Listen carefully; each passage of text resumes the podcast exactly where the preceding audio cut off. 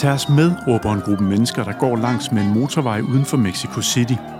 De er blandt de tusinder af migranter, der er på vej op gennem Mexico mod USA i den såkaldte migrantkaravane, som har været et hæftigt tema i valgkampen op til det amerikanske midtvejsvalg. Tallene er usikre, men de fleste vurderer, at mellem 7 og 10.000 mennesker er en del af karavanen. Langt de fleste af dem er taget sted fra Honduras. De flygter både fra vold og bandekriminalitet og fattigdom og arbejdsløshed.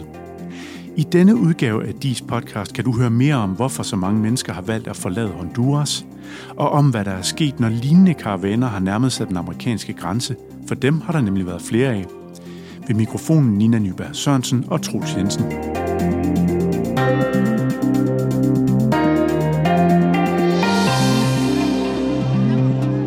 por falta de trabajo, empleo, pues en nuestro país no se puede vivir. Venimos pues luchando lo que es el sueño americano.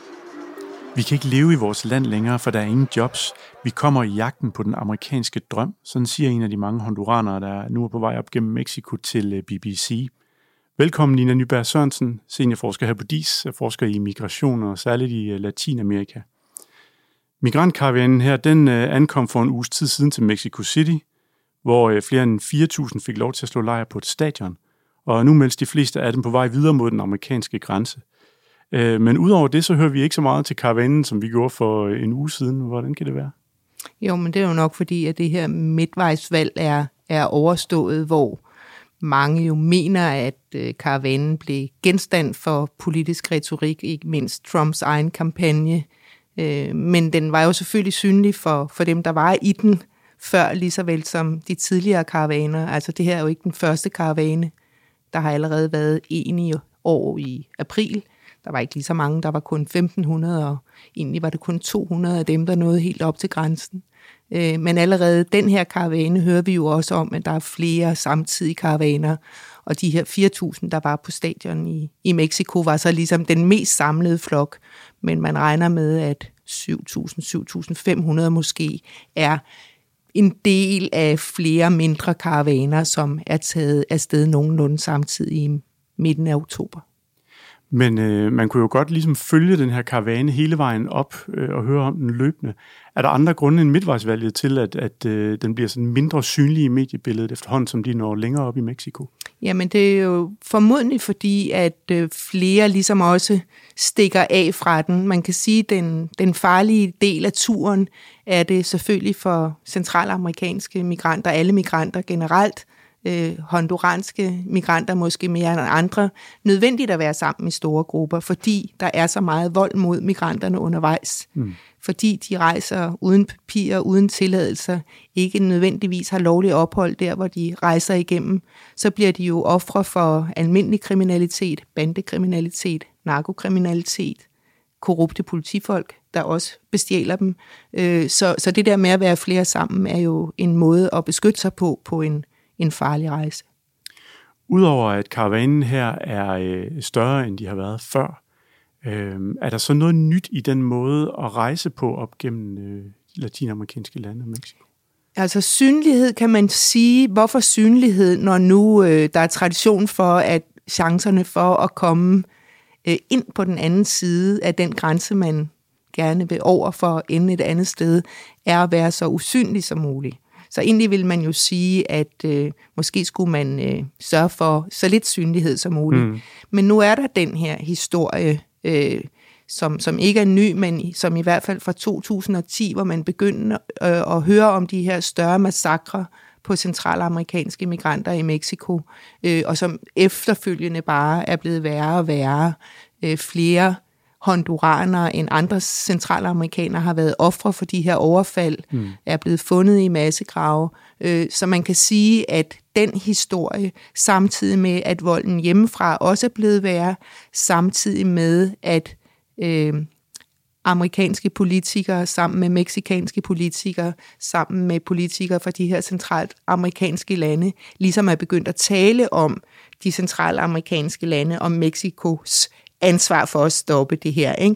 Så der kan du sige ja, og blive synlig, så du tiltrækker dig menneskerettigheds-NGO'er, UNHCR, altså FN's flygtninge, øh, højkommissariat, andre aktører, som ligesom kommer ind i det her spil. Det er klart, at mange og stor synlighed, mediebevågenhed, øh, gør, at du måske har en chance for at blive hørt som andet og mere end den her øh, lille lykkerider, der bare vil ud efter den amerikanske drøm. Og det naturlige spørgsmål vil jo så være, hvem har så organiseret det her, og hvor organiseret er det? Altså er det, øh, er det øh, en, øh, en sådan relativt stor gruppe mennesker, der er blevet større, fordi den har været synlig fra begyndelsen? Øh, har det været meget organiseret allerede fra Honduras og ud? Hvad ved man om de her ting?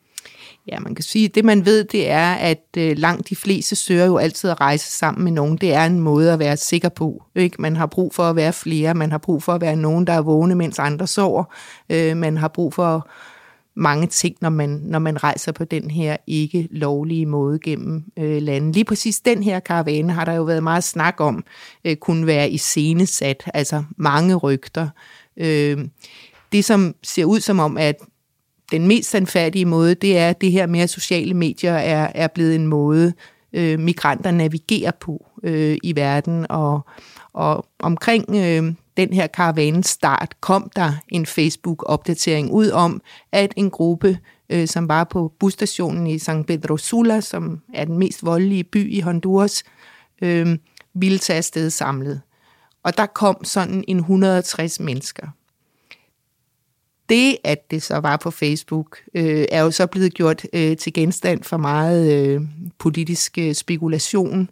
Stod øh, den tidligere øh, øh, oppositionsregering bag og finansiere det her som en måde at underminere den, den nuværende, øh, øh, den nuværende øh, præsident Orlando, øh, som jo mange siger ikke kom helt legitimt til magten øh, ved det sidste valg, øh, stod, øh, øh, stod Venezuelas øh, præsident bag, mm. stod Trump selv bag for ligesom at skabe øh, opmærksomhed for at kunne bruge det her i, i, i kampagnerne, de politiske kampagner op til, til, til midtvejsvalget. Men meget tyder på, og, og jeg, jeg vil sige, det mest sandsynlige er, at det er migranternes egne brug af sociale medier som en måde at beskytte sig selv på, øh, der, der har spillet en stor rolle her. Strength in numbers. Mm-hmm. Mm. Honduras. Esta es nuestra Honduras libre! Øh, du har selv lavet en del feltarbejde i de mellemamerikanske lande, øhm, øh, Øh, og langt de fleste af migranterne i den her flok er øh, fra Honduras. Hvad er det, der er så specielt ved Honduras? Man kan sige, at der er mange ting, der er det samme i, i, øh, i Centralamerika, den nordlige del af, af Centralamerika, som er Honduras, øh, El Salvador og Guatemala. Altså dels det, at øh, det er landbrugsbaserede økonomier, det er landbrugene, der er mest presset. Klimaforandringer slår ind her. Øh, det er også, øh, hvad skal man sige, øh, USA's baggård.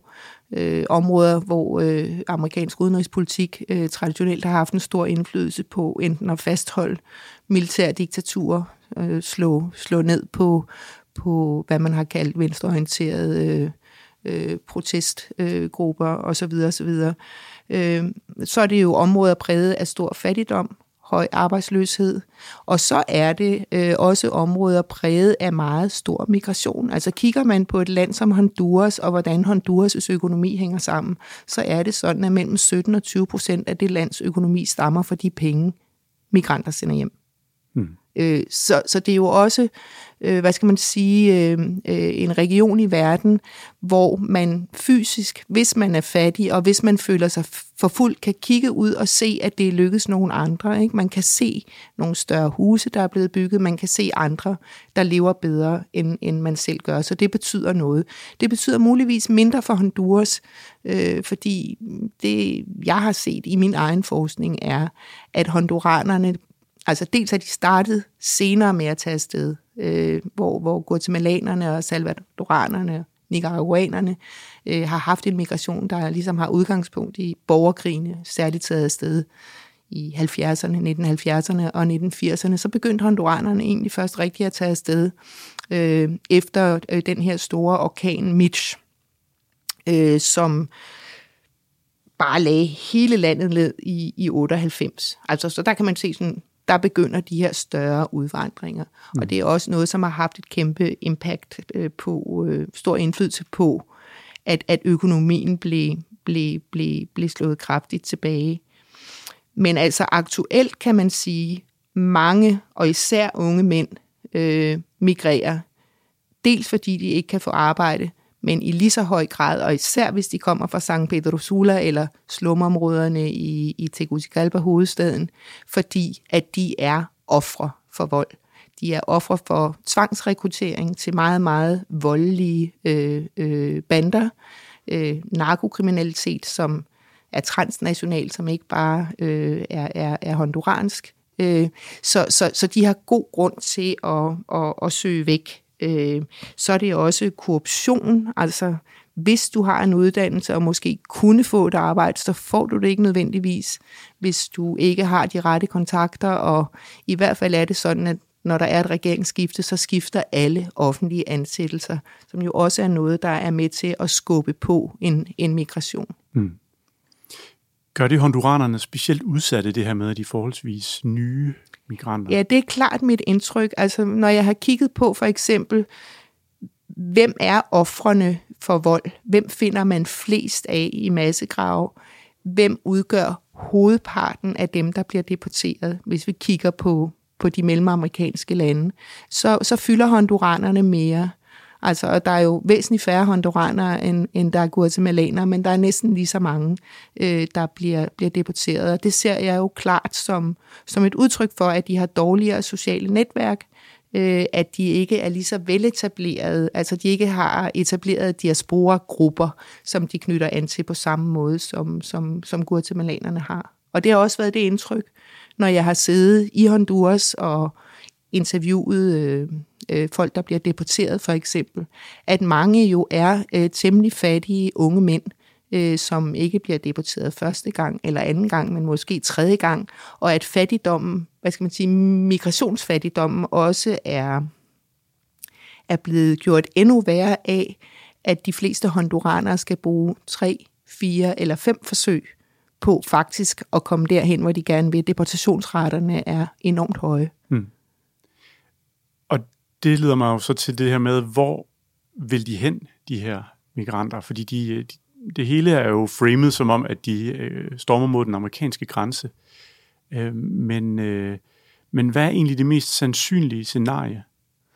Jo, men jeg tror da, at det sandsynlige scenarie er, at, at øh, det er det, man helst vil. Og det er måske også den myte, øh, der, der lever. Øh, flere af, af de NGO'er, som har, har støttet op omkring og hjulpet øh, den her nuvar, nuværende karavane, øh, de, de melder jo tilbage, at folk faktisk ved utrolig lidt om, hvad mulighederne er. Øh, mange tror, at det er muligt at søge politisk asyl på grund af vold, hvad det har været. Ikke at mange har fået det, men det har været muligt øh, at søge asyl på baggrund af at og, og være udsat for dødstrusler af, af bander, men, men det, det, det er blevet ændret over sommeren øh, i år, øh, og Trump har jo meldt klart ud, at, at sådan vil det ikke være. Så nogen har håbet på det. Meget unge øh, mennesker, som tager afsted uden deres familie, enten fordi deres familie allerede er i USA, eller fordi de ikke har nogen familie, eller fordi deres familie vælger at sende dem afsted, fordi det er sikrere for dem end at blive, hvor de er at blive rekrutteret af de her bander. De håber måske på den løsning, at de vil kunne søge asyl, øh, men det kan de ikke få. Øh, der er også mange, der ikke ved, at USA har, har opsagt øh, aftalen om midlertidig opholdstilladelse, som flere honduranere, øh, lidt under 100.000 honduranere har haft. Og det er sådan en særlig status, man har kunne få i USA, hvis man, øh, hvis man flygter fra naturkatastrofer for eksempel. Øh, så viden om, hvad der skal til øh, for at få øh, den her øh, status, det, det, det er måske ikke det, der præger øh, gruppen mest. Men de tager jo også andre steder hen, øh, og den, den sidste karavane, 1500 afsted, 200 nåede grænsen. Mange af de andre blev så ligesom blev andre steder, om, om Mexico typisk. Men honduraner tager også andre steder hen. Altså honduraner er også begyndt at komme til Spanien øh, netop fordi de ikke længere kan komme til USA. Mm. Øh, så, så man kan sige, mulighederne udvider sig, ikke? Øh, for hvor de tager hen. Men det er klart, at karavanen op gennem Mexico har USA som ønske ja. destinationen. Hvordan er det at rejse på tværs af grænser i, øh, i Centralamerika. Du har selv øh, gjort det, ved jeg. Øh, hvordan er det, hvis man sammenligner det med den grænsekontrol, vi ser øh, ind mod Europa, for eksempel? jo, men altså mellem, øh, mellem de centrale amerikanske lande, altså mellem øh, fra, fra, fra Honduras til Guatemala, fra Guatemala til El Salvador, øh, skal du ikke have hverken pas eller noget. De har, ligesom vi har haft øh, med, med Norge og Sverige, øh, fri øh, fri bevægelighed, og du skal bare have dit identitetskort, hvis du kan formodentlig også mange steder gå over uden at have det. Fordi det er jo heller ikke grænser, der nødvendigvis er, er, er lige så bevogtede. Til øh, øh, Mexico skal du jo øh, have øh, øh, gyldige rejse, rejsepapirer, øh, medmindre du øh, bor i grænseområdet. Altså de der særlige områder, øh, hvor øh, de samme Maya-grupper bor på begge sider af grænserne, er der sådan nogle regler for, at man godt må være en til tre dage på den anden side, bare på sit identitetskort. Øh, så, så der kan man jo også gå over. Men det, som jeg selv har oplevet som altså sådan lidt pudsigt øh, i, i, i den sammenhæng, er, at øh, der er jo broer, man kan gå over, hvor der er en vis grænsekontrol, hvor os, der går over broen, måske, måske ikke viser vores pas, alt efter øh, hvem der nu sidder, hvilken grænsevagt der nu sidder der, mens du kan kigge ned og se andre blive skibet over på, på oppustet øh, øh, gummidæk eller, eller små tømmerfloder. Så der er masser af steder, hvor selvom der er grænsebevogtning, kan du komme over. Dels fordi det har man gjort historisk, dels fordi der er en business mm. i det. Ikke? Og så er der nogle, øh, nogle lande, folk migrerer, migrerer meget fra, Honduras, og nogle, nogle andre lande, folk migrerer meget til. Øh, hvilke lande er det, og, og hvad er forskellen på den politiske situation i de lande?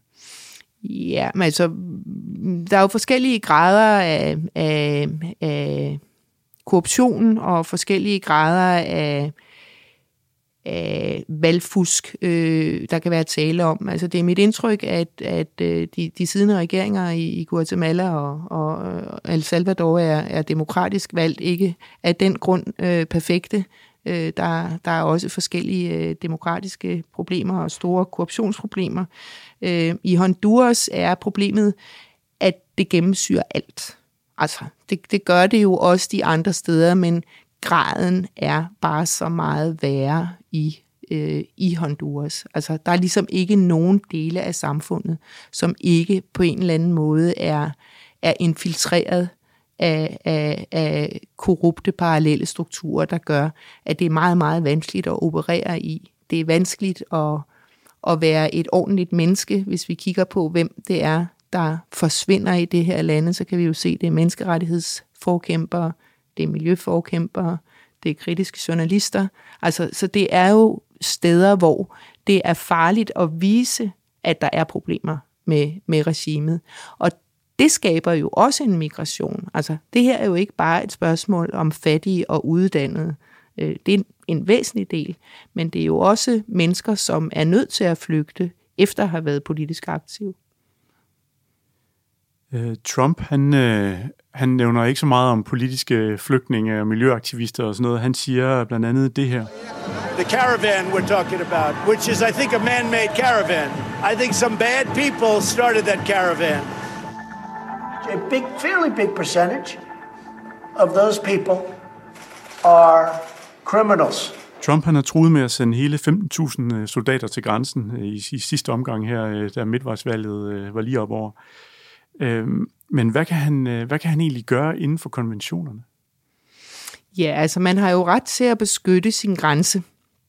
Så, så, så det er jo ikke et problem i sig selv. Man kan sige, at øh, det problem, han kan få af det, det er jo, hvad det koster. Hvad bliver den indrigspolitiske regning for at gøre det her øh, øh, i forhold til, hvilken øh, effekt det får. Det, som øh, man konventionsagtigt kan tale om, det er selvfølgelig altså dels det der har folk ret til at søge asyl? Ja, de har det. Det har de selvfølgelig, og så kan man jo øh, vælge ikke at give dem det. Man kan sige, at de ikke lever op til øh, øh, den måde, man fortolker reglerne på.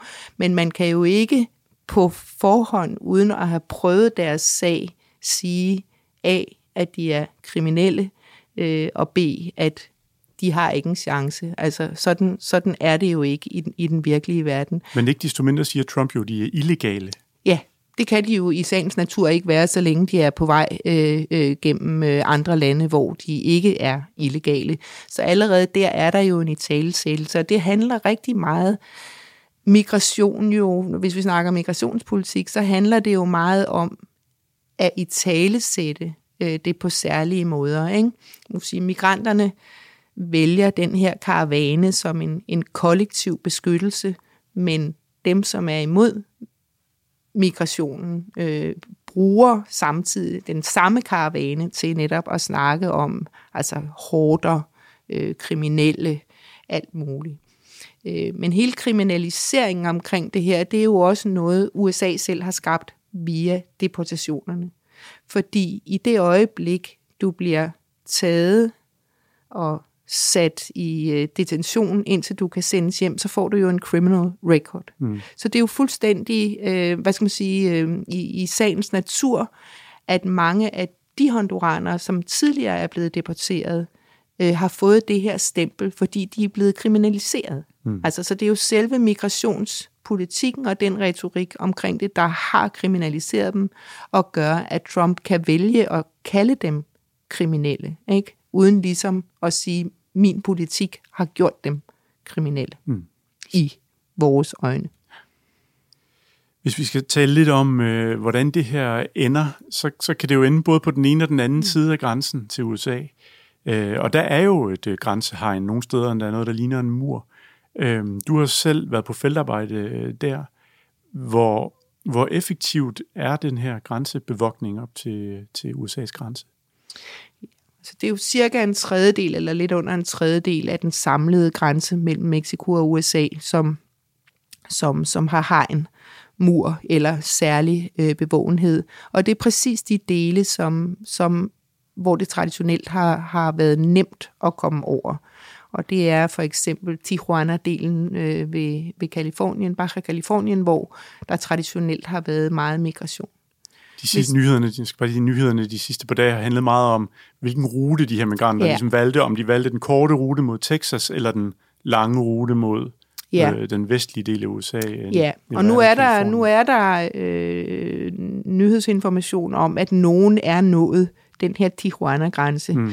De kan umuligt have spaceret øh, fra Mexico City på 14 dage eller mindre dertil, øh, men de kan selvfølgelig være kommet dertil på andre øh, måder. Men sandsynligheden for at nå uset igennem er jo at tage de farligere ruter, øh, som også vil være dem, der er tættest på. Hvis du kigger på et Mexico-kort, ikke? direkte nord, så er det, øh, du kommer op til de her lange ørkenområder, hvor du nemmere kan skjule dig fra øh, øh patruljer, som, som, som efter øh, dig, end, end du vil kunne, hvor der er hegn og moderne teknologi.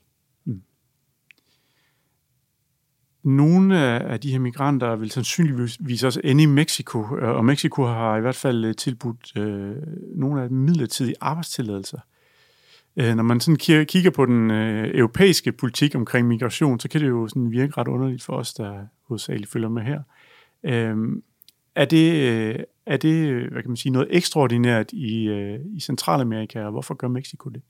Nej, det er ikke øh, ekstraordinært. Altså man kan sige, at Latinamerika og også Sydamerika generelt har jo forsøgt øh, øh, sig med migrationsreformer, der ligesom har taget udgangspunkt i, vi har selv mange migranter. Store dele af vores befolkning er selv migranter. Vi er nødt til at have en, en mere human politik. Mexico er jo langt hen ad vejen presset af, af USA til at stramme øh, deres regler, ligesom sydeuropæiske lande har været det øh, i Europa. Men der er også den her tradition og et stærkt pres øh, af, af lokale NGO'er og, og, og menneskerettighedsorganisationer, der sørger for det. Altså, der er jo allerede omkring 1500 stykker, der har søgt politisk asyl af den her karavane mm. i, øh, i Mexico. Formodentlig fordi, at de har via sociale midler fået nys om, at det får vi ikke i USA, så vi søger det her, for det vil trods alt være sikrere for os at være her, øh, end at tage tilbage. Og der er også lige så mange cirka, der har, har fået det her midlertidige øh, visum, eller faktisk tror jeg, øh, det er noget flere, der har, har fået det. Og det er jo selvfølgelig et, et visum, som du kan arbejde lovligt, du kan, kan være der, men det skal jo på et eller andet tidspunkt øh, blive til en mere permanent opholdstilladelse, hvis det er det, hvis det, er det du er ude efter. Ikke? Øh, mit bedste bud er, at Mexico vil bevæge sig mod en øh, strammere migrationspolitik, øh, og det er jo også det, vi ser, ikke? Altså, så samarbejder de med USA, så samarbejder de ikke, så samarbejder de, så samarbejder de ikke. Men flere af de ting, som for eksempel at ville stille busser til rådighed, for at migranterne ikke skulle gå, og sådan, altså de mere humanitære tiltag, der har været på tale, er jo rent faktisk ikke sket, så Mexico er også presset. Hmm. Hvis man så kommer over på den anden side af grænsen, som for eksempel honduransk migrant, og, og skal søge asyl i USA, hvad er så nu kriterierne for, hvorvidt man får det eller ej? Ja, altså asyl skal du søge på grænsen. Øh, og der øh, er der jo masser af rapporter om, at, at grænsepolitiet ikke overholder reglerne. Altså, de afviser folk, de sender dem tilbage, eller de sender dem direkte i detention. Ikke? Vi har jo lige set øh, inden karavanen, hvordan forældre og børn er blevet skilt ad øh, Øh, på grænsen, og almindelige konventioner for, hvordan man skal behandle øh, møder, møder øh, og, og børn slet ikke er overholdt. Øh, så sandsynligheden for, at man vil overholde regler, øh, er, er i hvert fald ikke noget, vi, vi kan regne med, og vi kan jo heller ikke regne med den, altså med den retorik, som Trump lægger ud med, at der vil være et politisk pres fra regeringen øh, på at gøre det. Så, så jeg tror ikke, sandsynligheden er er, er stor for, at mange vil få øh, politisk asyl. Jeg tror, at flere vil, når de kommer tættere på grænsen, forsøge at komme ind af bagvejen, altså uden at blive opdaget og være som udokumenterede eller irregulære migranter i USA, fordi sandsynligheden for, at det kan lykkes, er større lige nu, end at få politisk asyl. Og det indebærer jo nogle risici øh, at komme over grænsen. Og det gør turen op gennem Mexico sådan set også. Og der, der er jo børn og, og sådan noget med i karavanen her. Øh, hvis man skal forhindre sådan en, en situation som, som en, øh, en migrantkaravane, kan man jo kalde det, men grupper af migranter, der søger nordpå, hvad, hvad kan man så gøre på, på lang sigt, men også på sådan kortere sigt? Ja, man skal jo fjerne årsagerne til, at, at, at, at folk tager afsted. Ikke? Vi snakker vold, øh, høje kriminalitetsrater, øh, vi taler statskorruption, vi taler fattigdom, vi taler øh, fødevareusikkerhed på grund af klimaforandringer. Altså, så det er jo en bred vifte af, af, af alvorlige problemer, som der skal gøres noget ved. Mange af de problemer kan man jo diskutere, altså om ikke de er politisk skabt. Jeg vil mene, at selv klimaforandringerne og fødevareusikkerhederne i visse dele af, af, af Centralamerika også er politisk skabt, fordi man har valgt ikke at sætte det ind, øh, man kunne sætte ind. Derfor kan man sige, at det er det, man skal gøre noget ved.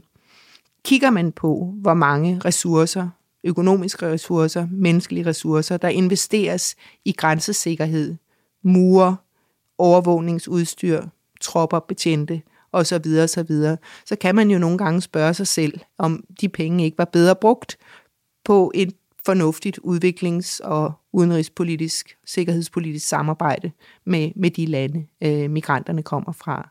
Kigger man igen på de penge, jeg nævnte tidligere, øh, migranterne sender hjem, kunne man også sige, er der mulighed for at støtte op omkring noget af det, sådan så det investeres øh, på en bedre måde og ikke forsvinder i korruption eller til at betale tårnhøje renter og, og, og så videre, så videre. Så man kunne jo gøre mange andre ting, men det er jo noget, der kræver en politisk vilje. Og det er klart, at hvis man har sådan en retorik, der er, at jeg skal vise, at jeg gør noget her og nu, øh, så er det, man kan gøre ved migration, aldrig noget, der kan lykkes øh, på en uge på en måned, et år eller måske fem år. Øh, så, så, så det er jo noget, der kræver et politisk mod at sige, og nu vælger vi øh, at gå ind her og gøre noget. Og nej, vi vil ikke kunne se en effekt nødvendigvis, mens jeg er præsident. Øh, men vi vil kunne se, at vi er på rette vej. Nina Nyberg Sørensen, tusind tak, fordi du var med her i DIS podcast. Og hvis du derude ikke skulle lytte med her på DIS podcast, fordi du har fundet den via din podcast-app, så øh, skynd dig ind og abonner på DIS podcast. Det kan du gøre i Apple Podcast, eller øh, hvilken app du nu bruger til din Android-telefon. Tak for nu, og på genhør.